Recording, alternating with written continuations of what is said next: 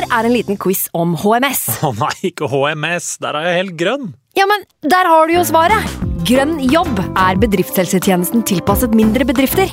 Våre HMS-eksperter hjelper mer enn 8000 bedrifter over hele Norge med alt fra lovpålagte HMS-krav til pålegg fra Arbeidstilsynet. Få på plass bedriftshelsetjeneste på grønnjobb.no. Hallo? Jeg kommer fra Oslo politikammer. Ine Jansen er purk. Er du purk? The motherfucking bitch. Alt jeg vil, er å finne ut hva som skjedde med mannen min. Jon Carew. Er jeg sikta for noe? Iben Akeli. Det er du. Ole So, Lars Berrum og Big Daddy Karsten. Hvem sin side er du på, egentlig? Anette Hoff, Tone Danielsen, Kommer du fra Afrika? Jørnis Josef, Nesten. Kløfta. Trond Espen Seim, Det er synd å si det, men det var feil mann som døde. Purk. Premiere tirsdag på TV2 Play. I can't believe it. Football, bloody hell.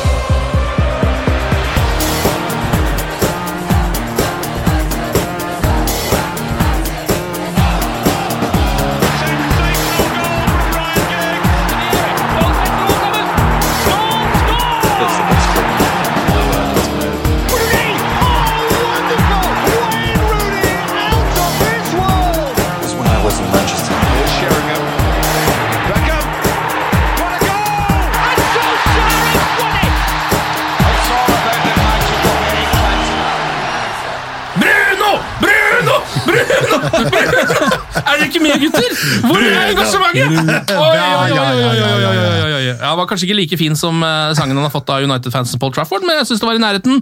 Eh, velkommen til United We Podcast. Eh, mitt navn er Ken Vasenius Nilsen. I dag så er P3s Ali Sofi med oss. Hallo, Ali. Hei. Vi har også med oss Martin Jøndal, sjefen i VGTV. Hallo, Martin. Hallo. Vi skal eh, gjennom eh, Watford-matchen i dag. Eh, Vi skal snakke om Bryggekampen også, og ta noen spørsmål fra sosiale medier, og ikke minst hylle vår nye midtbanespiller. Kan jo begynne med kampen mot Watford, kanskje, siden den sitter friskest i minnet. Og en deilig, litt sånn rørende markering for Harry Gregg for matchen. Absolutt. Som jeg ble kjent at jeg faktisk um, jeg, det, jeg vet ikke hvordan jeg skal si dette, men vi som er en litt yngre generasjon United-supportere, har jo ikke liksom det samme forholdet til den gjengen som det litt eldre supportere har. Det er jo helt naturlig. Eh, og jeg pleier liksom kanskje ikke å kjenne det så mye på kroppen vanligvis når det er sånne markeringer, men nå gjorde jeg det. Jeg ble liksom kjent, jeg ble litt sånn rørt og litt gelé i hele kroppen. Ja, det var fint, og det var jo også fint uh, Jeg veit ikke om det hadde noen sammenheng med at de hadde de gamle pensjonistene Jo, kanskje. Det må kanskje vært en Ja. connection der, uh, som, som leda istedenfor maskotter. Mm. Eh, og ja, Harry Gregg, legende Ja. eh, for United. Eh, og mm, selvfølgelig, altså når du vet at han med den historien der han løper inn i vraket, henter ut bl.a. Bobby Charlton. Mm. Som jo var på tribunen. Absolutt. Altså det, er, det, er- det, er, han, det er en stor del av Uniteds historie. Ja. Og man skal jo være en robot for å ikke kjenne på noen følelser når, det, når man ser det utspille seg ut på Old Trafford. Så det var en eh, fin start, eh, og det ble jo bare bedre eh, utover. Rett etter det så fikk man jo, forsto man jo at United skulle starte 4-3-3. eh, Ja. Som jo var gledelig i utgangspunktet. Men jeg var sånn, når jeg så allerede en time før kamp og så den lagoppstillinga, ble jeg veldig positivt uh, overraska. Ja. Altså, det var sånn ah, Dette laget hadde jeg også tatt ut. Ja. Uh, inn med Greenwood. Mm. Uh, offensiv uh, oppstilling. Her skal, det, her skal det spilles og scores. Ja. Og så skjedde jo ikke det Nei. de første 30 minuttene. Altså, det, det var jo noe av det dårligste vi har spilt på, på lenge. Eh, og liksom jævlig skuffende med tanke på den eh, positive inngangen. Ja. Eh, når du så lagoppstillinga. Jeg vet ikke om det var eh, på en måte an occasion og, og det som skjedde rett før kampstart, at de kom liksom aldri ut av startblokkene. Nei, eh, det var litt eh, skuffende det, fordi man trodde jo kanskje at det skulle gå ut som et fyrverkeri i United, liksom. Med tanke på at det ikke er noen grunn til at de ikke skal gjøre det. på en måte. Nå stilte de et bedre lag enn de har gjort på lenge også. Eh, og så er det jo spesielt Victor Lindeløf har jo en helt grusom start. Han eh, spiller jo istedenfor uh, Bailly i den matchen her, Helt ute. og starter akkurat som Bailly gjorde i forrige match. Med det var- to-tre helt sinnssyke Ja, det, feilpasninger. det var, det, dere har jo snakka om Chelsea-matchen før ja. podden her, men det var helt sykt når Bailly de første liksom, 10-15 minuttene han hadde mot Chelsea uh, altså det, var jo, det var jo som å se en borte mot PSG Ja. uh, i fjor. altså sånn Helt horrendous. Ja. Og så bare tok han seg gradvis eh, inn og avslutta matchen strålende. Ja, og Litt det samme gjør jo Victor Lindeløf for så vidt i den kampen her. Ja, Uten at han si, kjører ja. Cruyff-vendinger inn i egen 16-meter. Nei, det er lite overstegsfinter og sånn. Ja, det var, Av lagoppstillinga så var det vel egentlig bare to ting jeg reagerte på. At Bailly ikke fikk starte etter en god kamp, og eh, Brandon Williams, da, som jeg bare forelska meg Ja. hodestups i, egentlig. Absolutt, men samtidig så har jo Shaw Vært god. veldig god, og Ja. var veldig god i den matchen. Ja, Eh, Var jo en av Uniteds beste. Ja, det si. Ja, eh, og uh, ja. Uh, jeg syns det var greit. Jeg syns Brandon Williams har vært god. Han har vært en kjempeoverraskelse og en positiv bidragsyter så langt i sesongen. Og trolig også på en måte etablert seg såpass at uh, vi ikke kommer til å se er etter noe venstreback eh, på, på en stund. Eh, men jeg syns også at han har droppa litt av i prestasjonene de siste ukene. Ja. Han fortjente å få hvile litt nå. Ja. Eh, også med tanke på det Shaw har gjort. Ja, han har vært god. Han har vært bra. Eh, En annen overraskelse er jo at verken Jesse Lingard eller Andreas Pereira er i troppen engang til denne matchen. Nei, det, Og det gleda meg. Ja, det oss meg. Fordi uh, jeg, så, jeg så på kampen mot Brygge, og det, det var på en måte en prestasjoner der ute fra ja, annet de to, Mm. eh, som rett og slett ikke eh, holder mål. Jeg Ja. vet vi skal snakke om Watford når vi kommer tilbake til Ja da, ja, ja. Brygge-matchen, men er ikke den tida i ferd med å renne ut for, eh, for begge de to gutta i, i forhold til det å, spille for Manchester United? Jo. jo Sånn sett så har Solskjær gjort noen kule valg. da, altså Han har jo starta med å rydde pent og pyntelig. Og nå så har han gitt sjanse til de folka han har hatt litt trua på, men eh, det viser seg at de ikke tar steget. Ja. Ja, noen tar steget, andre tar ikke steget. Og det, det er jo det vi hadde en diskusjon her nå etter matchen, eh, og det er sikkert mange United-fans som har diskutert hvorfor i helvete kjøpte vi ikke Bruno Fernandes i sommer. Ja. Ja, ja. Eh, Da hadde tabellposisjonen muligens sett litt annerledes ut. Mm. Og han har jo til de grader vist bare på tre matcher at han er verdt de penga. Eh, Samtidig kan man kanskje til Solskjærs eh, forsvar da, si at han brukte sommeren til å gjøre en, en viss clear-out. Få ut Lukaku, få ut, uh, få ut uh, noen spillere. Uh, Sanchez. Og så, hvis han ikke hadde liksom prøvd Lingard, prøvd Pereira skikkelig, sånn som han har gjort i høst, så ville han heller ikke fått svar på hvorvidt de kunne ta steget. Ja. Så det er et eller annet med at når du kommer inn som manager, så vil jeg tippe at okay, han har et behov for å liksom få testa de spillerne han har i troppen. Squad players som kanskje har vært eh, og ikke nødvendigvis fått øh, sjansen for real eh, før nå i høst. Uh, og, og, da, og gjennom det så har han jo fått bevist at uh, Pereira holder ikke nivået til å, til å spille fast på Manchester United. Det gjør ikke Jesse Lingard heller. Nei. Men så har han samtidig fått svar på at Fred har utvikla en spiller som kan spille fast på United. I hvert fall være en av tre-fire midtbanespillere som, som skal uh, være regelmessig førsteelveren. Mm. Uh, eller, at, uh, eller at Greenwood har fått såpass mange sjanser som han har gjort, og bevist at han er det supertalentet vi håpa og trodde på at han skulle, skulle være. Mm. Jeg tror jo også at Solskjær hadde forventa å kunne spille med Paul Pogba i en litt mer offensiv rolle. Eller sånn i utgangspunktet å kunne spille med Paul Pogba. annet, det er et annet øh, svar på det spørsmålet, Ja. også hvorfor han ikke kjøpte Fernandes i sommer. Ja. Fordi Vi hadde en ekstra verdensklassespiller der, da, Ikke som sant? ikke vi har lenger av en eller annen merkelig grunn. Nei, og så tror jeg jo at øh, øh, Nei, det det samme gjelder egentlig med spissen. ikke sant? Vi mangler en spiss, vi mangler konkurranse på plassen til Martial. og det, Vi prøvde vel å gjøre et forsøk på Haaland i vinterpausen. Men samtidig så jeg er ikke så kritisk på at han ikke kjøpte en erstatter for Lukaku i sommer, fordi det handla om å teste Martial, teste også Rashford i den, uh, i den i spissrollen, som et tydelig førstevalg. Uh, Martial mener jo jeg leverer på et nivå som tilsier at vi bør satse videre på han, men han trenger konkurranse. Ja. ja, han gjør det fordi han eh, Jeg vet ikke hva man skal si om Antony Anthony Martial. Det er jo, han er jo han leverer jo mål på mål på mål. Han har noen tall som er sinnssykt bra til å være en spiss selv i Premier League. Ja, og i hvert fall til hva er det, 22 eller hva han er for noe? Ja, eh, Men så er det jo det med at han ja, har liksom, Det kroppsspråket er én ting, men er litt sånn litt slapp, da. Og det er jo mye av det er jo sikkert fordi han spiller hver forbaska kamp. da, Hvert forbaska minutt nesten også. Så Han begynner å bli sliten av nå, tror jeg. Ja, ja. Nei, men altså, herregud, eh, Anthony Martial er Anthony Martial. Vi har sett han utrolig god eh, ved utallige anledninger. Ja. Selvfølgelig har han nivået inne, men eh, Martin er selvfølgelig inne på det med konkurranse. da, og det kanskje, jeg, skjønner, jeg skjønner poenget ditt med at Lukaku-erstatteren ikke var så viktig, for det var så mange som var i køen. Så man skulle- måtte jo da gått for en B-løsning. Ja, en hva, sånn- hva kjøper du da? Ikke sant? Så Enten, så erstatter du Lukaku med en spiller du tenker skal være et solklart førstevalg, Ja, og da er eh, Martial bak i køen igjen. Ja. Da har vi ikke fått testa han inn Nei, i rollen. Da spiller han wing eh, halvparten av kampene. Mm, Jeg tipper Solskjær har gjort et bevisst valg der ved at han ville starte Absolutt. med Martial som et klart førstevalg inn i rollen. Mm. Og så sier han jo sjøl i postmatch-intervjuet etter Watford også eh, at den største kritikeren til Martial er sannsynligvis Ole Gunnar Solskjær sjøl. Og at de sans, jobber jævlig mye med Ja. hvordan en nummer ni skal bevege seg. Ja. Uh, Martial han er jo for mye all over the place. For få løp inn i boks. Ja. Men målet han skåra mot Chelsea, målet han skåra i midtuka, målet han skåra nå i, uh, i går, Det er tre klassemål, da. det er tre spissmål. Ja, ja absolutt. Ehm, det er jo en tidlig kjempesjanse til United her, eh, som eh, av alle Aron Wambi Sakka får, etter et innlegg fra James. Eh, en liten tabbe av Foster. Mm. Bissaka eh, bommer jo på den da, ganske klart, prøver å breise inn bort til lengste.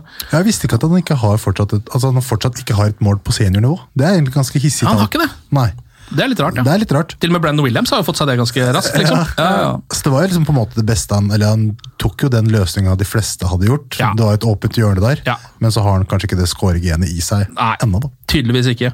Um, og det er jo, som du var inne på tidligere, Martin, en ganske sånn miserabel førsteomgang på mange måter. Brune Fernandes prøver å ta litt tak. Er vel den spilleren der ute som gjør litt offensivt. eh, Prøver seg på noen kombinasjoner, setter litt fart osv. Det blir egentlig ikke noen resultater av det før eh, rett før pause, da han eh, kommer alene med keeper etter at Watford har vel mista ballen neste på midtbanen, så vidt jeg kan huske. Ja, altså Det var jo ikke noe sånn et mål vi skåra der vi bearbeida et etablert forsvar. Nei. Eh, og det var jo egentlig det jeg hadde håpa å se i den matchen. Ja, Det sleit de jo med, de hadde det ikke fått til hvis ikke det hadde vært for at Watford mista ballen. Nei, og vi, vi, vi startet den matchen med å liksom tape det som er av dueller. Det virker som Watford bare vil det mer. Ja. De første, I hvert fall de første 30 minuttene. I starten er det Bruno Matic og Maguire går inn i hverandre og sånn. Ja, er- fikk jo ekstra mye juling òg. De var jo Ja. ute etter ham. Ja, Det de gikk klar- fysisk i Bruno, ja. Ja, ja. Han, er, ja, han, lille, eh, han lille med bleika hår, Ja. eh, på midten. eh, Ja, ja, Will Hughes, han var ute etter den, Han var ute etter den. Ordentlig Eh, ankelbiter. Ja, ja. Eh, men det er jo det er vel mange mål i fotball som skåres ved en breakdown og et Ja. lag i ubalanse, og det er det som skjer eh, på United sitt første mål der. Ja. Hadde vi ikke fått det målet, hadde det målet gått inn andre veien, så tror jeg det kunne blitt en ganske trest eh, ettermiddag på Old Trafford. Ja, jeg tror det første målet til eh, Bruno Fernandes på straffa der er viktig. Altså. Ja. Det er jo godt å si at han eh, kjører en gammel, eller en Jorginho-straffe. da. Ekstra, ekstra høy spenst. Ja, faen, det, det var bare, skulle hoppe hit, altså! Hva er det greiene der for noe? Det er så merkelig at det alltid funker òg. Ja, for han, han var liksom, liksom delt på da han forklarte hvorfor han gjorde det. Han sa liksom han gjorde det på den mest effektive måten, men det var også gøy å prøve det aktig. Og han ville gjøre ja, Ja, for- han sa vel at han gjør det ikke hver gang, Nei. men han følte for å gjøre det der og da. ja. Ja. Uh, Men det er, jeg kan sette pris på et sånt svar, for det er jo litt sånn som en av de beste straffeskytterne gjennom tiden, Andrea Pirlo, uh, og Totti også, har begge sagt at de bestemmer seg egentlig ikke for noe hjørne. Nei. Nei, de ser på keeperen. De Nei, ser på keeperen også, og keeperen. egentlig selv liksom, i det oppløpet er, så er det ikke helt bestemt seg for hvordan straffe de skal ta. Mm. Men så er de så gode fotballspillere at plutselig blir det en chip, eller plutselig blir det en ball opp i krysset, eller hamring midt i. Mm. Og de scorer jo som regel, da. Så jeg det, synes det, var veldig godt å se. det funker helt til det ikke funker. det er akkurat det det gjør. Jeg var livredd for at han skulle bomme på den straffa, da, fordi det var liksom ja, det var sånn her, faen skal du ta den sjøl? Altså, Ja. Men det var jo helt perfekt. Han jubla jo det han fikk den, fordi han visste at denne setter jeg nok. ja. Han er, virker jo å være en ganske confident type. Så, Ja, Det er jo en åpenbaring på alle mulige vis. Det Ja. er jo liksom, endelig så har United fått en spiller som klarer å uh, treffe medspillere. Ja. Han har jo ganske sånn, uh, I de første kampene jeg har sett, da, så har jeg sett at han har veldig en høy treffprosent på pasningene sine. Han hadde vel kanskje ikke det mot Watford, men det var kanskje litt mer risk involvert også. ja um, han er jo en Han spiller jo en bra kamp og oh, utover andre omgang, og sånt, og så er han jo en dominerende spiller på ut på banen der. Men Mm. uh, jeg syns vel sånn isolert sett så imponerte han nesten enda mer i det innhoppet oppe i midtuka. Ja. Uh, Men der var, det var kanskje fordi kontrasten ble så jævla svær. Ja, ja, ja. Og så var det så tydelig hva han betydde for, dere, for United. Da, da Ja. så du det så tydelig mot Brygge. Den pasningen der han altså Nå snakker vi om plutselig om Det går Brygge, bra. men den pasningen der han plukker ut Mata, som dessverre er i offside Ja. der, og, altså det er jo en vill pasning. Ja, og det er sånne pasninger som eh, de andre midtbanespillerne i Manchester ikke slår. Nei, ikke sant? De tar ikke sjansen på den pasningene. Um, United går da til eh, pause med ledelse. Kunne vært 2-0, fordi Bruno har en ganske stor sjanse eh, Ja. etter der òg, som han sløser bort litt. Ser ut som han har nesten mista litt balansen når han skal skyte, og prøver på en sånn utsidetupp. av helt annet slag. Eh, men så eh, er jo andre omgang så vidt i gang, og du ser United er så bakpå fra avspark, liksom. Det er sånn Watford da, plutselig bare De ligger under 1-0, det er Paul Trafford. Uh, allikevel så er det Watford som bare kjører, da. Ja. Ble, der blir jeg livredd, og de skårer jo også faktisk ganske tidlig, på en corner. blir annullert. Heldigvis. Eh, og der Det har vært en god varuke. er det inni en streak nå, altså. Det der er uh, Farlig å si nå, men det, altså. fått, hatt litt uh, varflyt. Det er ikke feil, det. Ja, denne her er jo, altså, det er en henst. Altså, det er jo, De blir alltid tatt hvis ballen er via en hånd inne i feltet, så er det alltid annullering. Men det er jo så feil. Han trekker armen så langt han kan Ja, få ja, det til. er en liksom- arm. Ja. Ja, Det er arm med arm. Ja, det, så, ja, det blir Så det, Arm med arm. Arm med arm. Så det det, var jo ekstremt viktig, at de der uh, vipper riktig vei i sånne kamper som det er. Um, og Så eh, er det jo et kunstverk da fra Antony Marcial. Uh, gjennomspilt av Bruno Fernandes. Uh, nydelig liten stikker. Marcial trenger et par sjanser. får ballen tilbake igjen etter det første skuddet. Kjører en lita sålevending og en liten chip borti hjørnet.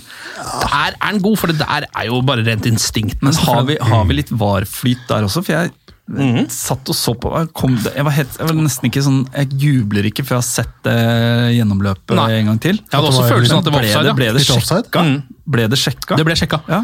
Det var en eh, kjapp sjekk på det, og i det, eh, da hører jeg at det begynner å murre på Trafford. selvfølgelig.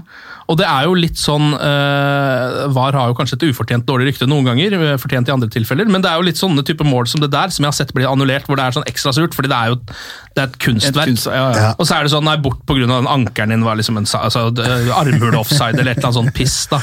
Men var Bruno helt oppriktig da han sa at uh, den assisten skulle ha fått uh, Martial?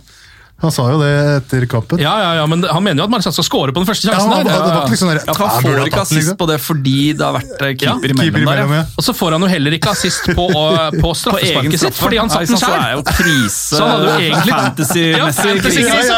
Han hadde jo egentlig rundens, rundens beste spiller han, i denne runden der. Ja, men det det, men det er skandale altså. hvis ikke du kan få både assist og scoring når du setter ditt Ja. eget straffe. Ja, sant det. Ja, du får ikke det, tror jeg. Altså, Nå er jeg ikke, ikke helt sikker, altså, men Nei, men det stemmer det, det stemmer Jobbe med regelverk her. her er det noe Han greier. fikk assisten til slutt, da, fordi um, Ja, en relativt ok avslutning fra Mason Greenwood. Mason. Ja. Å, herregud. Uh, og der har man jo, Da er det jo godt å være United-supporter når man får de to måla der eh, på rappen. Uh, etter å liksom ha fått et annullert andre vei. Så er det plutselig 3-0, og så er det liksom Jeg syns ikke Mason er så god, Nei. bortsett fra målet. Ja, men det er det han gjør. er og gjemme han ut på altså Han er jo ikke en høyrekant. Nei, nei, nei. Men han Han er kan også jo litt for veik til å være spiss i Premier League, Ja. men ikke akkurat nå, da. Ja. Ja, han, han uh, rista seg, var det Capoe eller var det Docoré på midten her? Ja. Det, var, det var jo litt flott å se på, Ja. men stort sett så er han egentlig bare en spess-spess, Ja. Mm. Men akkurat det målet der er jo um, Det er jo Greenwood sitt mål på alle mulige måter. Han starter det angrepet. Ja, ja, ja. Går av en mann, spiller med Bruno, får han tilbake, setter han hardt opp i krysset. Vakkert. Det er Han vakkert, hadde, og han har, et, har han uh, mål hver gang han har starta en match nå for United? Ja, det, vet, Det vet jeg nei, ikke. det tror jeg ikke. Nei, okay. Jeg tror han har, spilt, han har spilt noen matcher altså, Du tenker på i snitt? Eller Nei, nei, han har altså fra faktisk scora hver gang han fra har- start, når Nei, han starter ja, oh, ja, nei, det vet jeg ikke. Jeg tror han har spilt eh, noen matcher uten Ja. å score også. Så. Ja. Setter seg rett ned etter å ha scoret med en liten skade, virker det som. Mason Greenwood. Det blir bare sittende der og glise Ja. og få noen sånne high fives på bakken. Um, spiller jo litt til, og så kommer det jo da et uh, trippelbytte i 78 minutt. Da får vi endelig se McTominay igjen. ja. Ja. Det er jo bra. Kort sveis. Ja, Han har fått seg kortere sveis. Mhm. Uh, hadde allerede litt sprut i beina, virka det som.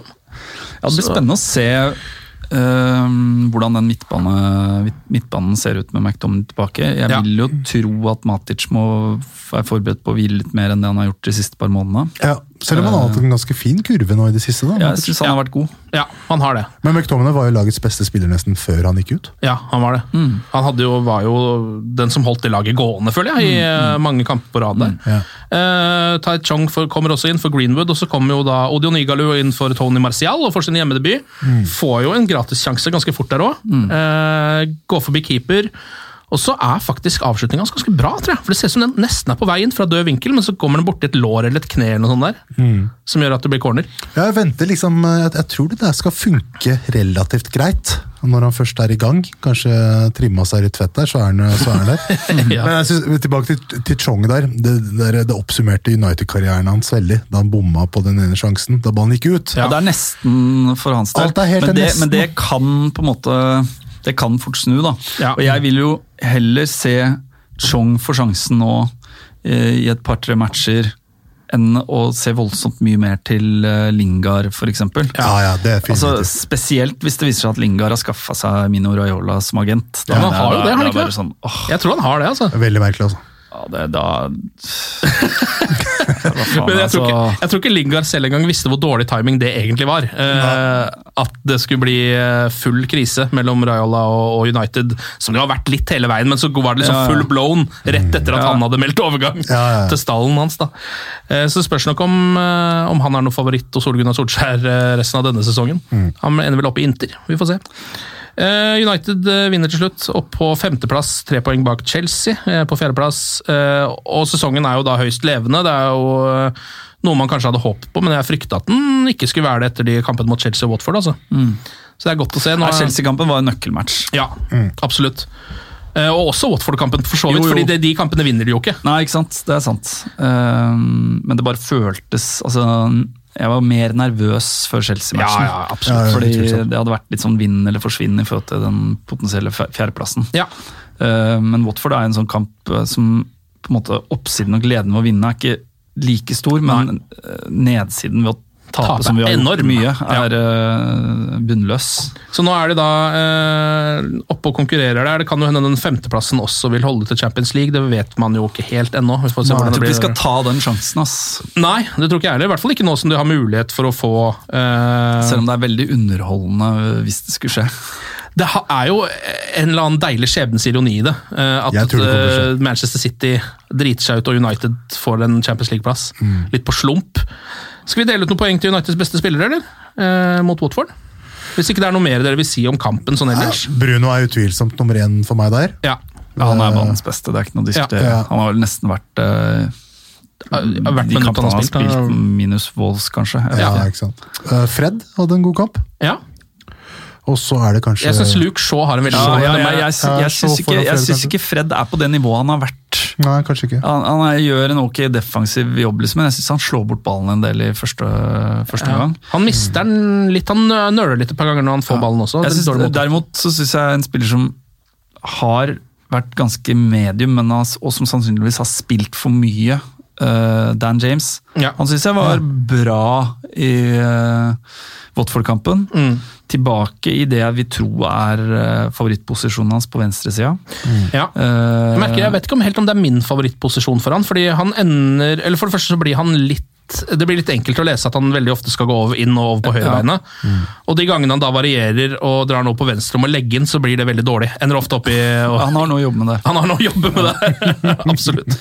Så han har generelt en del å jobbe med, og Ja. burde jo ikke være på en måte et førstevalg for United. Ikke i hver Nei, kamp, I nei. neste. I neste sesong så vil jeg håper, håper og tror jeg at vi, vi skal kjøpe et, et soleklart førstevalg til å spille høyrekant, Ja. og at Dan James kan være liksom en squad player som kan både avlaste Rashford, som skal spille på venstresida, Ja. og da den nye spilleren som skal spille ned høyrekanten. Ja. Uh, han, han kan få mange kamper i løpet av sesongen, men han skal ikke være et, han skal ikke være et førstevalg hvis alle er skadefrie. Og så er han jo den ultimate impact player, da. Når du får inn en fyr der med verdens uh, høyeste mot et mørna forsvar, liksom. Ja, verdens høyeste Kjøre fart. på, liksom.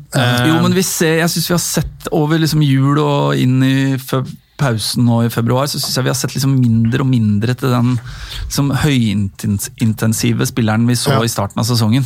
Ja, Det er det samme som uh, Thomas Arnestad har sagt også på Twitter. Hva tenker du om Daniel James? Så strålende ut den første tiden, men nå for tiden er det lite sluttprodukt. Er det selvtilliten?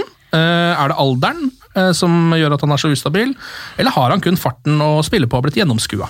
Altså, Vi skal tenke tilbake til utgangspunktet da han ble kjøpt opp. da. Var det sånn at vi skulle tenke at han skulle komme inn og regjere på, i elveren til United? Man tenkte vel at han øh, så vidt kom til å være på benken, var i hvert fall det neste Ja, ja. jeg tenkte. da. Ja, ja. Så det, det han har egentlig levert, er i hvert fall første halvdel av sesongen, Ja. har jo vært egentlig over øh, det man skulle tro forventning, liksom. Absolutt. Ja, så tenker jeg det, er- det er alt det han nevner i den øh, Den smørja ja. tweeten her, liksom. Det er mm. slitasje, at han har spilt mye mer kamper enn han sannsynligvis noensinne har gjort i karrieren sin. Det er mulig han spilte mye for, uh, for uh, Ja, Swansea i fjor ja. også, men uh, ikke på det nivået. Uh, alderen tilsier at ting går opp og ned. Uh, jeg, mangelen på mål og målgivende kan jo selvfølgelig også ha slått ut litt på selvtilliten. Ja. Uh, Og han har spilt på et lag som tidvis har slitt. Mm.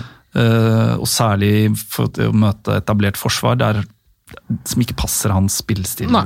spesielt godt. I hvert fall ikke ennå. Og så er det også det han nevner med at eh, motstanderen er jo obs på den farta der nå. Ja, ja. Da er det vanskeligere å, um, å variere. Han er jo helt klart best som kontringsspiller. Altså, ja. var, ah, jeg syns han var ok bra mot uh, Watford, men før det så er det liksom tilbake til City borte, uh, Mm. hvor, jeg, hvor jeg virkelig syns han var fantastisk god. Da var hele United fantastisk gode. Mm.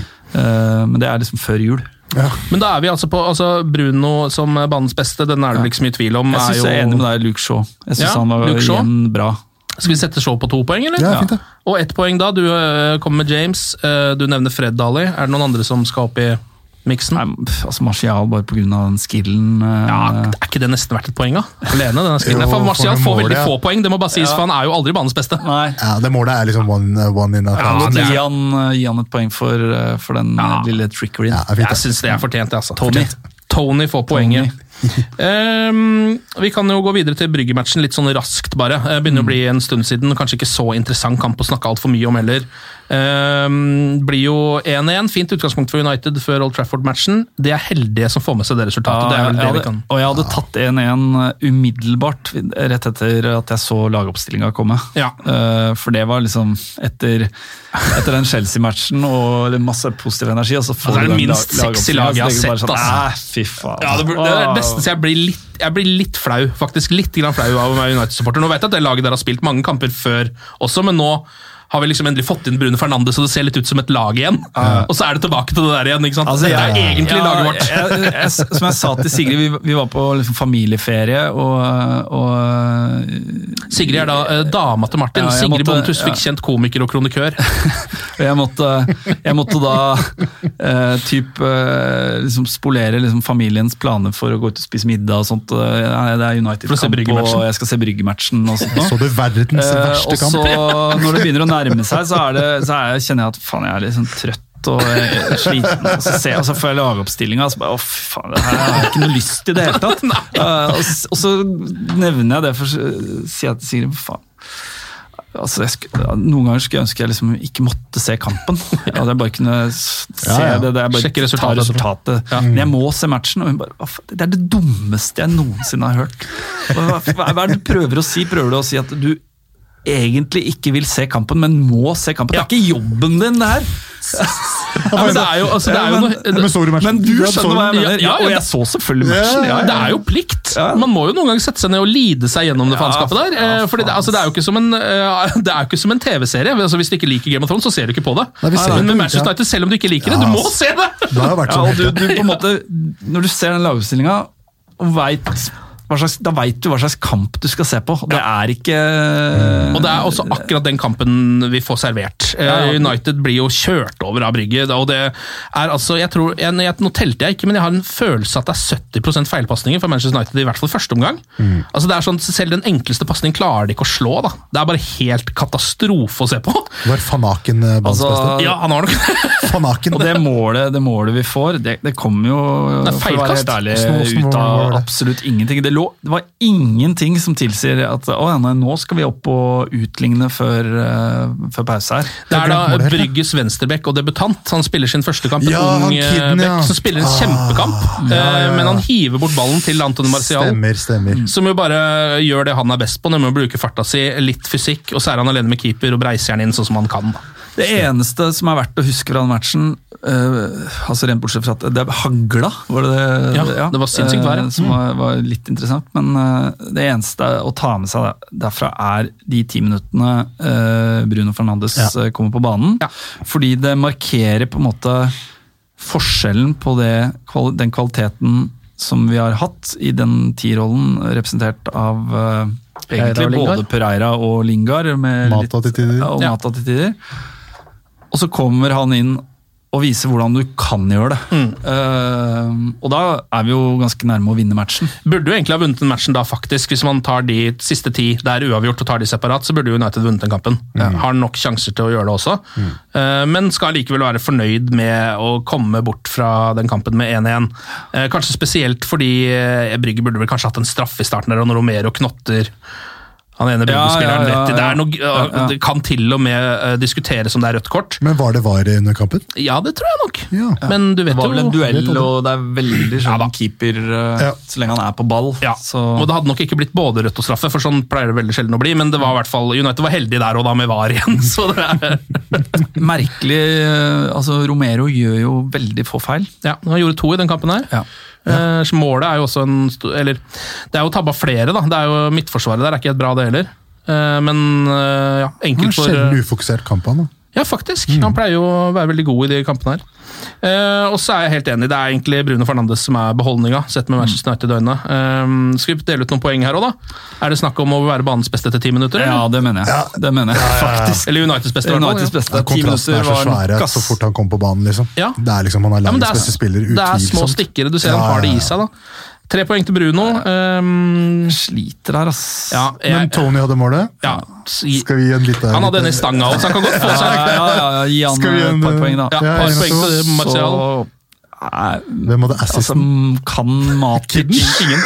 Er Matic i hvert fall tidvis i kampen en spiller som ikke rører bort ballen så Ja. mye som Ja, noen av de andre gutta? ok. Litt sånn stabiliserende faktor som ikke er helt ute å kjøre. Ja, Litt lavere tempo, så det passer jo bra til han også. den kampen her. Ja, ok, Matic på ett poeng, da. Ja. Er vi enige om den? fint det. Ja, for, eller eller er, øh, Luke Shaw? Luke Shaw? Luke Shaw som stopper, ja? Ja, Var ikke han ganske god? Jo da, han var det. Luke, var kanskje ja. Luke Shaw fortjener egentlig to poeng der. Ok, Da- Ja, jeg, mener, jeg mener å huske, Når jeg tenker meg om nå, så mener jeg å huske at jeg syns Luke Shaw var uh, egentlig ganske bra. ja. Men da kan vi godt gjøre om på det, fordi eh, For Martial gjør jo absolutt ingenting Nei annet enn å løpe gjennom og skåre et mål der. ja, Og skyte i stanga. Ja. Ja, Og skytestanga. da. Ok, men da Ja, går Gi til Luke, da. ja. Tre til Bruno, to til Du Shaw. var så nærme to poeng, Martial. Men eh, som du sa i stad, eh, Martial får veldig sjelden poeng. i Ja. den, eh, ja. Og det er fullt fortjent at han ikke får så mange mange, poeng. hvor mange poeng er det Shaw for? Han kan eventuelt få ett, da, så kan vi dytte ut Matic. Han, jeg, for å være helt ærlig, så er jeg veldig usikker på den teorien min om at han faktisk var spesielt god. Ja. Du merker hvordan kamp dette her var. Jeg tror vi gir den til Martial. Han skårte i hvert fall. Det var en forferdelig kamp. Ja, det var en alle mulige måter. Det var Bruno som var det eneste, liksom. Ja, og takk uh, høyere makter for at de kom seg unna med 1-1 der, fordi da burde de jo gå videre uh, nå på torsdag uh, på hjemmebane. Og er det allerede nå? ja? Ok. Men um, Ja, Du er ikke helt sikker, Martin? Jo, men, men uh, nå var vel Brygge ganske gode liksom, i borte i gruppa si. 2-2 bort mot Real Madrid. Ja. Jeg tror vi må være skjerpa. Mm. la merke til Spille med et bedre lag, da. Ja, også. spille med et bedre lag og være mer skjerpa. fordi jeg la merke til I starten av den Brygge-matchen så var det som de hadde fått en instruksjon fra treneren om at blir det innkast, blir det corner, ta det kjapt som bare faen. på en måte. Ja. United spilte på mandag, de har bare tre dagers pause. Uh, start med liksom intensitet. Og det det var jo eh, sånn sjansene i starten der kom, på Ja. innkast som ble tatt før vi hadde klart å snu oss rundt og sett at ballen var i spill. Mm. Uh, utspark fra keeper blir tatt lynkjapt. Ja, det er Vi jo Mignolet liksom- får jo en assist i den kampen. Ja, Vi må faen meg være påskrudd uh, på torsdag. Altså, vi, ja, vi kan ikke la uh, Mignolet være Zidane og drive og få assist. Det, det holder ikke, altså. Skal vi ta noen spørsmål fra uh, United-fans på sosiale medier? Uh, Jonas Jensen, som lurer på um, om det er på tide å starte Greenwood mer hjemlig? Har vel ingen bedre alternativ på høyrekant per nå. Alternativet er jo da Daniel James, det er vel de to som kan spille der. Hva tenker dere? Ja, Det går jo litt på den matchinga som vi har vært inne på tidligere med Dan James, men Greenwood har ikke fått spille så mye. Nei. Så jeg tipper at han er sulten og fin i dytten, så hvorfor ikke? Mm. Har han, men Syns du han har en god nok match mot Watford til at han har liksom tatt plassen til James? Nei, men Han altså- skårer, da, men Ja, det er det. Ja, ja. Det holder jo det, gjør det ikke da? Så lenge Ja, men jeg spiller vet ikke om han har tatt Ja. plassen til James, for, for James må jo basically spille på venstrekant siden Rashford er ute. akkurat nå, ja. ja så. Eh, for alternativet til eh, James på venstre er vel nå Hva faen er det? Lingard? Ja, eller Martial også Ja, Igalo. men, ja, men hvem skal spille? Ja, da må Igalo spille framme, da. Ja. Uh, men det, ser, det er jo tynt i den angrepsrekka nå. Ja. Uh, så jeg vil vel tro at enn så lenge så er eh, Greenwood akkurat nå et førstevalg, fordi Dan James må spille til venstre, Martial må spille på topp. Ja. Og så kan kanskje Igalo spille seg inn, men han med tanke på kampene vi har igjen, hvis vi går langt i Europaligaen og sånt nå, så tror jeg Igalo er kjøpt for å være et alternativ til å få hvilt Martial litt. Det tror jeg også. Ikke til at Martial skal dyttes ut i venstrekant og liksom spille samtlige 90 minutter fra nå til sesongen er ferdig. Nei. Eh, men jeg håper at vi får se at vi får se mer til, eh, til Chong, kanskje. Eh, at han og Greenwood kan bytte på litt og ta noen skift ut på høyrekanten. Ja. Eh, og så vil jeg anta at vi får se Pereira i den rollen i noen matcher også. Ja. Uh, særlig i, uh, i kamper der vi kanskje ikke er, forventer at vi skal dominere så mye. Eh, defensivt så er han jo trolig mer solid enn det Greenwood er. Absolutt. Som jo du var inne på, fremstår litt lett. Ja. Han gjør jo egentlig ikke noe spesielt god kamp mot Watford heller, bortsett fra å sette den i krysset, da, som selvfølgelig er en Det, pleier å holde, det. det gjør det. Men ja, jeg, jeg, for å konkludere, så vil jeg ønske meg å se Greenwood eh, fra start i flere matcher mm. som kommer. Og med skadene som er nå, så er det vel ganske sannsynlig også at han får spille litt mer framover. Ja. Eh, Rudeboy84, Bjørn Rudsagen. Eh, Rudeboy, han, Rude boy, boy. han lurer på, gitt skadefri, eh, hvem bør spille midtstopper sammen med Maguire? Og Det er jo et veldig godt spørsmål. Nå har vi sett eh, Erik Bailly har gjort comeback. Eh, gjorde det veldig bra etter å ha gjort det helt grusomt. Mm. Ender opp med å gjøre en bra match. Victor Lindeløf har jo hatt den plassen så å si eh, på, Har hatt klippekort på den, egentlig. Og så har vi jo Aksel Tuan Sebe i bakhånd, da. Ja, jeg så Tuan Sebe var litt sånn skuffa over uh, hvordan eh, sesongen har utspilt seg. Jeg, Ja, det skjønner jeg. jeg håpa jo veldig på å se han oftere. At han kunne komme og dytte svensken ut. Så bra ut i starten da han spilte, men så ble, fikk han Ja. skaden. Har vel ikke kommet seg helt tilbake. Nei. Ja, Men vi, så, og har vi sett den sammen med Maguire noe nei, vi har jo ikke Nei, det. Vi har jo ikke det. Ja. Men uh, ja, så det, altså jeg har, du merker jeg har veldig lite tiltro til Lindeløf som fotballspiller. Ja. Uh, han er sikkert en veldig hyggelig og likende kar. Men, Det å si. øh, men for Nei, å spille på Manchester Det er United, også, jeg så, så jeg, jeg ville ha foretrukket Erik Bailly ti av ti dager. Ass. Ja. Det hadde jeg gjort. Selv med det litt uvørne greiene. Selv med det uvørne greiene, for Ja. der er bare matching, tror jeg. Ass. Jeg er, ikke, jeg er ikke like negativ til Lindløf. Han holder absolutt et nivå som tilsier at han kan være en av fire stopper i United, tenker jeg. Ja. Særlig En av fire, ja.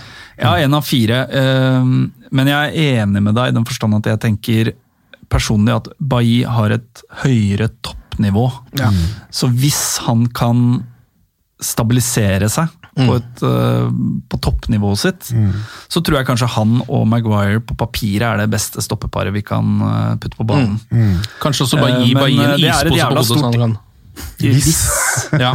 Eh, ja, for man, vi vet vi er, Forhåpentligvis er vi klokere i, når sommeren kommer. ja, men Jeg kan gå, ja, også godt tenke meg å se Bailly et par kamper til nå uh, framover. Se om han klarer å holde seg litt på det nivået som han hadde i uh, Deler av Chelsea-matchen. Chelsea kanskje Kanskje 70 minutter av Chelsea-matchen. Hvis han klarer å holde seg der, så føler jeg at han solklart burde starte. Da er det ikke noe tvil. liksom. Ja, og Ikke fordi jeg vil se flere overstegsfinter i egen 16-meter. Nei, med ikke nødvendigvis det, nei, nei. nei men, men rett og slett mer fordi han fysisk er Ja. eh, på et annet eh, nivå. enn Vi ser flere av den er. der blokktaklinga han Ja. hadde på slutten mot Chelsea, f.eks. For, for den har- får du ikke fra Victor Lindeløf. det kan jeg og, deg. og han Nei, nei, nei. utfyller sånn sett også Maguire på en bedre måte. Ja. Også litt kjappere, tror jeg, enn eh, Victor Lindeløf. Så. Maguire var der nære på i går. Ja, han var det. så langt unna. Maguire har jo begynt å komme seg. Han har begynt satt et par mål i det siste. han. Um, et dilemma her fra Lars Ørjan uh, som jeg syns er litt gøy å ta. Um, Premier League-gull til Liverpool og Europaligagull til United, eller fullstendig blackout på Liverpool og 15.-plass på United? Siste for meg, altså. ja, du Ja, mener altså, det? Ja, altså, hvis, orker Så lenge du får fjerna det med, med gullet, så er det verdt det. Altså, hvis, hvis. Liverpool hadde fått total blackout Det hadde nå, jeg elska, ass. Ikke vunnet ligaen, Ja. Da hadde du tatt den femteplassen? Ja, faen meg tatt en tur ned i League One. Ja, Ja, ja, ja ok, Championship. eh, Ja, championship over. En sesong men, men, men med den forutsetningen at ikke, at ikke de bare går til ligagull neste sesong. Nei, faen, Det hadde vært helt episk hvis de hadde klart å sørge det bort, men det, liksom, det det, ass. skjer jo ikke. Uh, det, hadde, det hadde vært eh, beyond uh, gøy. Ja, ja. Det hadde jo vært en, en sang man aldri kommer til å glemme, iallfall. så uh, jeg er kanskje litt enig. Altså hvis, I hvert fall hvis vi tar Det var eh, 15.-plass. 15 lett, ja. Lett. Jeg er ikke Altså, nedrykk altså, engang. altså, jeg, er, ikke- jeg er ikke i tvil engang. Jeg er ikke tvil engang. Uh, Sturla Aas uh, lurer på Er det litt overtenning av Solskjær å sammenligne Bruno med Veron og Scholes? Som han gjorde, han mente at det var en kombinasjon av Han har jo sammenligna alt og alle hele tida. Er det ikke det Solskjær driver med? Stort sett? Jo, men Sammenlignet med folk han har spilt sammen selv, gjerne. Eller, ja. Ja, Altså, det, er, det, er, det er tidlig å, å, å hvert fall trekke en legende som Paul Scholes inn i det, men det er, det er vel bare Solskjærs forsøk på å liksom si noe om spillertypen. Og jeg Ja. skjønner hva han mener når han Ja da. Det trekker fram de to navnene. Ja. Eh, Veron var jo en fyr som aldri helt klarte å spille seg inn i United-laget. Elegant som få, men ja. Og jeg, jeg, jeg leste den quoten fra Solskjær, og da tenkte jeg faktisk også på eh, Kan vi ha brukt Veron litt feil? Han kom jo inn i United eh, Ja. på et tidspunkt der vi spilte Yes. stort sett alltid eh, 4-4-2, eller i Europa 4-5-1, 4-3-3. Ja. Men eh, jeg veit ikke om denne 4-2-3-1-formasjonen var noe særlig brukt på det, på det tidspunktet, Det tidlig det. på 2000-tallet. Veron mm, i i dagens United Han er jo, var jo en tierspiller, Ja. mm. ikke en defensiv midtbanespiller. Nei. Eh, selv om han sikkert uh, Han var ålreit der også. var god der også, Ja. spilte jo der for Argentina, vel. ja, ja. Uh, men jeg skjønner, jeg skjønner liksom Jeg skjønner sammenligningen. Mm. Men, uh, Men opp til Scholes er det langt, altså. Ja, for som Sturla også påpeker her, det har hendt at sammenligningen med store spillere har bomma litt. Sist jeg sjekka, så er ikke Lingard på Iniesta-nivå, som René Moilenstein. Ja. Den, den, den er den beste.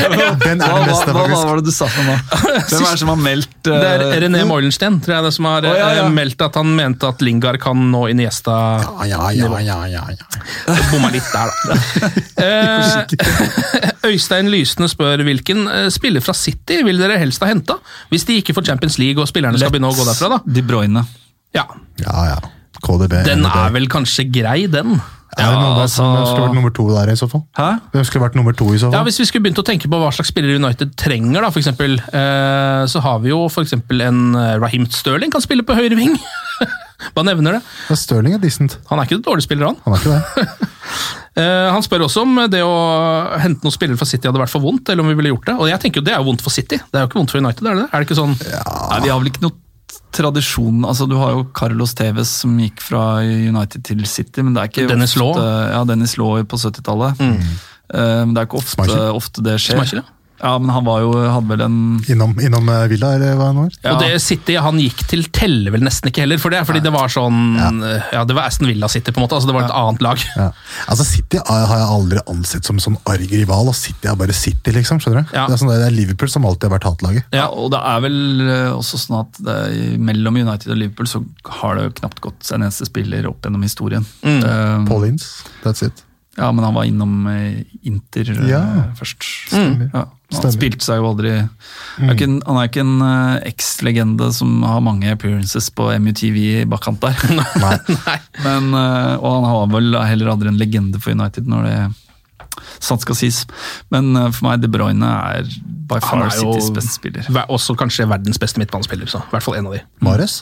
Mares også bra, vet du. Kan spille på høyre, han også. Ja, og KDB no, ja, han er, det, er ikke, det er ikke noe tvil om. Ja, Hvis vi kan plukke fra øverste hylle, og han sier, at, eh, sier ikke noe om at vi ikke kan gjøre det, så gjør vi det.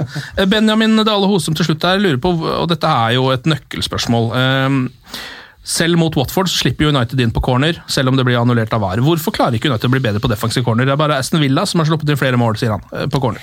Og det der er, ja. Ja, det må, ja. Nei, kjør på. Nei, altså, det begynner vel på et eller annet nivå hos De Gea. ja, fordi han er ikke god nok i feltet. Han er ikke commanding nok i feltet. Nei. Eh, det- for det er, det er jo hans ene svakhet som keeper. Ja, Ja. Uh, Blitt bedre på det, selvfølgelig. Vi husker jo starten hans. Ja, der var det mye Bromwich i første match Han fikk Ja. ordentlig juling, så vi er ikke på det nivået. Men, men han, eh, det er på en måte Feltarbeidet hans er ikke ikke på det nivået det burde være, og det er jo noe motstanderlag sannsynligvis eh, er veldig bevisst på. Eh, både på corner, men generelt på, på dødballer. Um, Men så har vi jo liksom Harry Maguire der, da, en av de aller beste hodespillerne i ligaen. Ja. Han burde jo liksom det, er, det er et eller annet med måten Solskjær setter oss opp på, på defensiv dødball, som er, som er litt rar. Fordi man skulle på en måte tro at det er de presumptivt mest hodesterke spillerne som markerer ut motstanderens Ja. uh, hodesterke spillere. Men han driver jo med sone Ja, ja, han driver med sone. Så det virker som på en måte Maguire og McTom, og, altså de gutta over 1,85, de har liksom litt fri rolle, og så er det sånn Fred og sånn som skal plukke Ja. opp uh, uh, Ja, sant det. Ja stopperne det. til eh, motstanderlaget. Mm. Det er en taktikk som kanskje ikke funker så bra, eller? Nei, jeg, jeg syns ikke det. i hvert fall. Altså, jeg, jeg skjønner på en måte tanken bak det, som vel er at uh, de smågutta skal gå i kropp og forstyrre, og så skal de store gutta se ballbane og bare gå mot ball når Ja. den kommer, liksom. Men det funker jo, funker jo ikke. Er det bare Villa som slipper inn flere dødballmål? Ja, Flere corner, i hvert fall. Wow. Eh, Og det er jo jeg er nesten ikke overraska over engang, for jeg synes United, altså, uh, om ikke de slipper inn på hver corner, så er det alltid farlig. Altså, En corner kommer inn samme hvem de spiller mot. Det er livsfarlig hver gang, det. Det er liksom Du sitter bare og krysser fingra for at det ikke skal bli to mål på den corneren. Så det er jo helt merkelig, det der. Ok, da er det uh, Brygge Paul Trafford på torsdag. Uh, et lite utropstegn ved siden av den fra Martin, men dere må være litt obs på den matchen. Ikke undervurdere Brygge, det er jeg helt enig i. Men jeg forventer jo at United går videre i Europaligaen med det utgangspunktet de har. De har et bortemål. Forhåpentligvis spiller de kanskje med noe opp mot sin beste elver, fordi det er såpass viktig at de går videre. Ja. Og Så er det da F- Everton igjen, noen få dager senere, på søndag på Goodison. Det er en litt tøff en, ass. Everton eh, Ja, opp og ned, mål, men eh, ja, det gjør det. Du slipper i mål, så det er muligheter både i midtuka og til helga, tenker jeg. Ja. Faktisk. Tre poeng der, så kan, eh, kan man begynne å klatre litt, altså. Men Eh, det er en vanskelig match. Absolutt. Særlig med tanke på at vi har en kamp i beina på torsdag, så vi har Ja. liksom fredag og lørdag å restituere på. Jeg tipper jo at vi kanskje får se en lagoppstilling som vi Altså Enten mot Brygge eller mot Everton så vil vi se en lagoppstilling som vi tenker å Hva var helvete, det her, liksom? eh, hva er det som skjer her nå? Drømmesituasjonen er jo at de går ut mot Brygge med et ålreit lag og kan bytte ganske tidlig. Altså Ja. Ta en Ja. 1-0-ledelse for eksempel der, eller to Ja. kanskje. Bruno etter 25, og så Ja, ikke sant? Og så gå inn til pause og kanskje til og med få av noen etter hvert. Så hadde det vært helt nydelig. Vi får håpe på det, eh, og krysse fingra for eh, jeg, jeg går for i hvert fall avansement i Belgia, og så minst Mulig 0-0 på Old Trafford og videre på bortemål. Helt, helt, helt sånn, greit! Jeg- litt sånn, litt det, sånn. det er ingen som kommer til å sjekke historiebøkene, så det er helt greit. det blir 0-0 Eh, eller 1-0 til United. Nei, altså, ja. I hvert fall ett poeng på, på Goodison. Skal vi ta en liten, eh, et lite resultattips der, eller Ali? Jeg tror Everton kommer til å slippe inn eh, masse mål. Jeg tror United tar den her eh, 3-1. 3-1, ja. Jeg, tror det faktisk jeg jeg tror faktisk det. Jeg. De er gode offensivt. Jeg synes, eh, Det ser jo kult ut, som er et kult lag å se på. Ja. Men de sliter jo bakover. Ja. Så jeg synes her er det, her er det muligheter. Ja, jeg, håper, jeg håper egentlig at vi har en litt sånn Chelsea-kampplan mot Nettopp. Everton. ja, At vi skal til og med kanskje spille med tre stoppere, ligge Ja. kompakte Det er vel sannsynlig på og, og det. kontre litt mot uh, Spille på det som hittil i sesongen har vært eh, vår styrke, Mm. og tilnærme oss det litt som en toppmatch. Sånn som Everton har levert etter Anslotti kom inn, så er det jo Ja. så har de jo hatt en form som eh, vel bare City og Det er et topplag i den perioden, matcha. hvis man bare tar den. ja. Ja, nå tapte de i går, da, men Ja. uh, likevel. Eh, og da tror jeg vi kan vinne. Ja. Tipper vi får se trebekslinje der, altså, eller fembeks, litt avhengig av, da, med Ja. Shaw som en tredje midtstopper og Brennan Williams på venstre osv. osv. Så blir det spennende å se om McTom starter allerede i midtuka, eller om han eh, får kanskje en halvtime mot, uh, mot Brygge, og så starter bort mot Everton sammen Ja. med Fred. Det tror jeg faktisk. Jeg tror han kommer til å starte en av de to matchene, og det er jo sannsynligvis den siste av de, kanskje. Ja. For å få spilt han litt inn. inn. Uh, og det trengs jo, så det er jo et eh, ehm, altså Sånne små folk som kommer tilbake fra skade nå, bare tenk deg når Rashford endelig kommer tilbake igjen om uh, 100 måneder. Ja, da faen, begynner det å ligne et lag. Altså. det at han um, Hvor lenge Ja, er han borte nå? Hva er prognosene der? potensielt ute til og med EM. Altså, Ja, potensielt, ja. Ja. ja. Jeg vet ikke helt hva det betyr når man sier det. Uh, Så Nei, Det betyr vel fort med tretthetsbrudd i ryggen at vi ikke ser noe mer til han i. Før august, liksom. ja, Ja. Mm. før neste sesong, på en måte. Eh, fordi hvis han, hvis han nå kommer på banen og liksom spiller 90 minutter én eller to kamper før, før EM, så er vel altså, Hvis han fortsatt er i en opptreningsfase, vil vi at han skal spille et EM. Altså, han vil jo spille EM, så han Ja. vil jo jobbe som bare faen for å rekke det. Men ja. uh, det, er, det, er det er tungt å ikke ha det som egentlig er Uniteds beste spiller ute. Ja. Eh, Jeg drev på- jeg på Pogba. Jeg drev og så litt på tabellen over de som vi har gitt mest poeng uh, i kampene her nå, og Rashford uh, har 25 poeng og leder fortsatt ganske klart. Og nå har han vært ute lenge. Jeg lurer på om det er Van Bissaka som er oppe på en andreplass med 18 eller noe sånt. Men Har dere diskutert Raiola og eh, strategi inn mot sommeren eh, i poden, eller? For Nei, det mener jeg er interessant hva, hva vi gjør eh, med Pogba, og hvordan de kommuniserer rundt, eh, Ja. Raiola. Nei, vi har vel egentlig bare innfunnet oss med at Paul Pogba drar. Ehm, og at det er liksom sånn, sånn som det ser ut akkurat nå med Bruno Fernandes, som har de kvalitetene som vi håpte kanskje Pogba skulle bidra med, så ser jo ikke, er ikke det så stort savn, kanskje. Merkelig å si, men sånn blir det jo. Eh, men tenker du på hvordan de pengene fra Paul Pogba-salget skal distribueres? Eller Nei, jeg bare, jeg bare syns det er jævlig interessant å se måten uh, Raiola kommuniserer, eh, går ut nå før Chelsea-kampen. Det er helt åpenbart at han, han vil skape trøbbel, Ja. fordi han skal prate prisen ned. Ja. Han vil, han vil eh, Ja. Han veit at United er åpne for et salg, men til en dyr pris. Ja.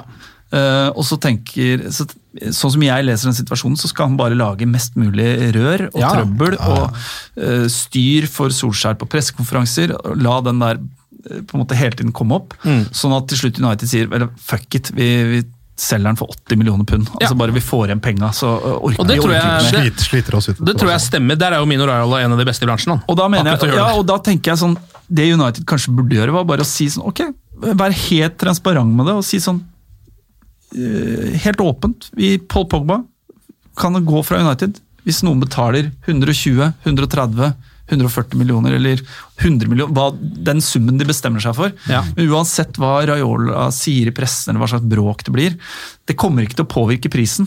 Prisen er den vi har bestemt oss for. Hvis ikke vi får det, så er det bedre for oss bare beholde den. Sånn at ikke vi spiller for oss, for, spiller for uh, fuckings B-laget. Ja. Altså, ikke på en måte bli med på det spillet som ender med at han går til en eller annen cut price fordi Men jeg, jeg har følelsen at den cut-pricen uansett er kanskje, altså, ikke er lavere enn det United betalte. da. Ja, Det bør det i hvert fall ikke være. Nei, øh, og jeg vil jo også med øh, all ærlighet si at Paul Pogba sin pris burde heller ikke ha gått noe opp siden han kom til Manchester United. Sånn hvis man skal se på det han har levert. Han har vunnet VM riktignok og gjorde et veldig bra VM.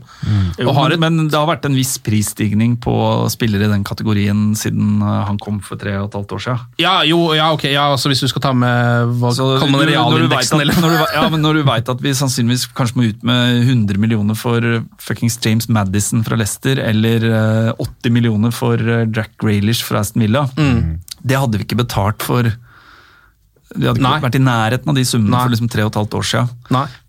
For tilsvarende spillere som har levert gode Premier League-prestasjoner. Mm. Det er jo bare det at når man, altså, øh, det er jo på en måte dobbeltsmart av Raiola å lage det bråket, fordi på én side så gjør det jo at United til slutt uh, ikke gidder mer. Altså At det rett og slett bare uh, sliter ut klubben med å ha han fyren der, og alt som skjer i media. Og den andre tingen er jo også at uh, en annen klubb vil jo kunne si på en måte da, ok, men så mye styr som det er med han fyren der, så mye greier som det er der, så vil ikke vi betale så mye for å få han hit. ikke sant? Så det er på en måte sånn, Han setter på en måte ned prisen hans i realitet nesten bare ved å komme med de uttalelsene. Jo, ja, det er, det er mulig. Men samtidig så tror jeg det hadde vært på en måte befriende å bare se noen bare, Ok, han koster 120 millioner. Da vi har gått ned fra fjor sommer, når vi skulle ha 150. Ja. Nå er det 120. Ja. Betal. It's all good. Spilleren er din. Hvis ikke, spiller du videre, og vi på en måte utløser det siste året i kontrakten din. Mm. Og da er du fanga i to år til. Ja. ja. Det blir spennende å se hvordan det der går, men jeg har en følelse at utfallet uansett blir at han ikke spiller i United neste sesong. Altså. Optimalt sett så får vi en bra pris for han, som Ja. vi kan reinvestere i en ny midtbanespiller, og Ja. ikke minst kjøpe en høyrekant og en spiss. ja. Og de pengene trenger jo på en måte United til å bruke til å altså, få inn én eller to spillere istedenfor en ikke-eksisterende fotballspiller, som er det de sitter med nå. Ja. På en måte En som bare er på Instagram. Det Som er jævlig god på Instagram fra Abu Dhabi og ja. Miami. der er han helt, helt rå, men det, ja, det holder ikke helt, altså. All right, eh, gutter. eh, Martin og Ali, tusen takk for innsatsen. Glory, glory.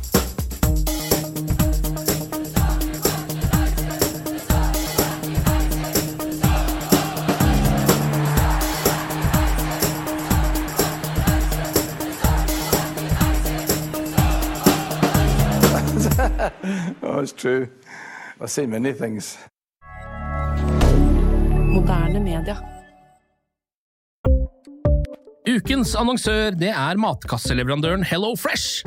Der kan du velge mellom 25 ulike oppskrifter hver uke, eller få Hello Fresh til å sette sammen en meny for deg.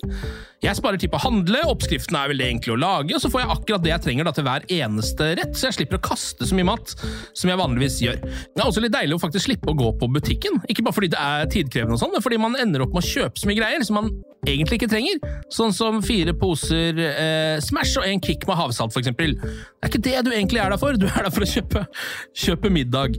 Så det er en veldig eh, kjekk ting. I tillegg så er det jo eh, ferdigporsjonerte ingredienser, det blir mindre matsvinn, og du betaler bare for det du faktisk trenger, og det du faktisk da spiser. I tillegg så blir det da levert på døra til et fastsatt tidspunkt, sånn at du kan få det akkurat når det passer for deg eh, sjæl. Hvis Hello Fresh høres ut som noe for deg, så har jeg en rabattkode du kan bruke også. Gå inn på hellofresh.no og bruk koden HelloUnited24. HelloUnited i ett ord, også 24, og få opptil 1779 kroner i rabatt på de fem første matkassene dine hvis du ikke har prøvd Hello Fresh ennå. Du kan også bruke koden hvis du tidligere har vært kunde, men har stoppa abonnementet ditt for tolv måneder siden eller mer. Det er ingen bindingstid, og du kan pause eller avslutte abonnementet ditt akkurat når du selv måtte ønske. Husk koden HelloUnited24, og bon appétit! Ukens annonsør er Folio, en smartere banktjeneste for deg som har en egen bedrift eller ønsker å starte for deg selv. Folio er en superenkel nettbank for bedrifter. Som kunde i Folio får du en bedriftskonto med et bedriftskort og app. I denne appen er det smarte løsninger som forenkler regnskapet ditt, uansett om du har en liten bedrift eller et enkeltpersonsforetak. Folio er både intuitivt og brukervennlig, og er laget med et enkelt språk. I tillegg tilbyr de forutsigbare priser og ingen skjulte gebyrer. Skulle du likevel trenge det, så kan du snakke med deres raske og hyggelige kundeservice, og der får du prate med en faktisk person og ikke en chatbot. Folio er med andre ord både enklere og koseligere enn banken. Over 10 000 bedrifter har allerede valgt Folio som sin banktjeneste, så besøk folio.no og se hvordan Folio kan forenkle din hverdag også. Har du et enkeltpersonforetak eller en liten bedrift? Da er du sikkert lei av å høre meg snakke om hvor enkelt det er med kvitteringer og bilag i fiken, så vi gir oss her, vi. Fordi vi liker enkelt. Fiken superenkelt regnskap.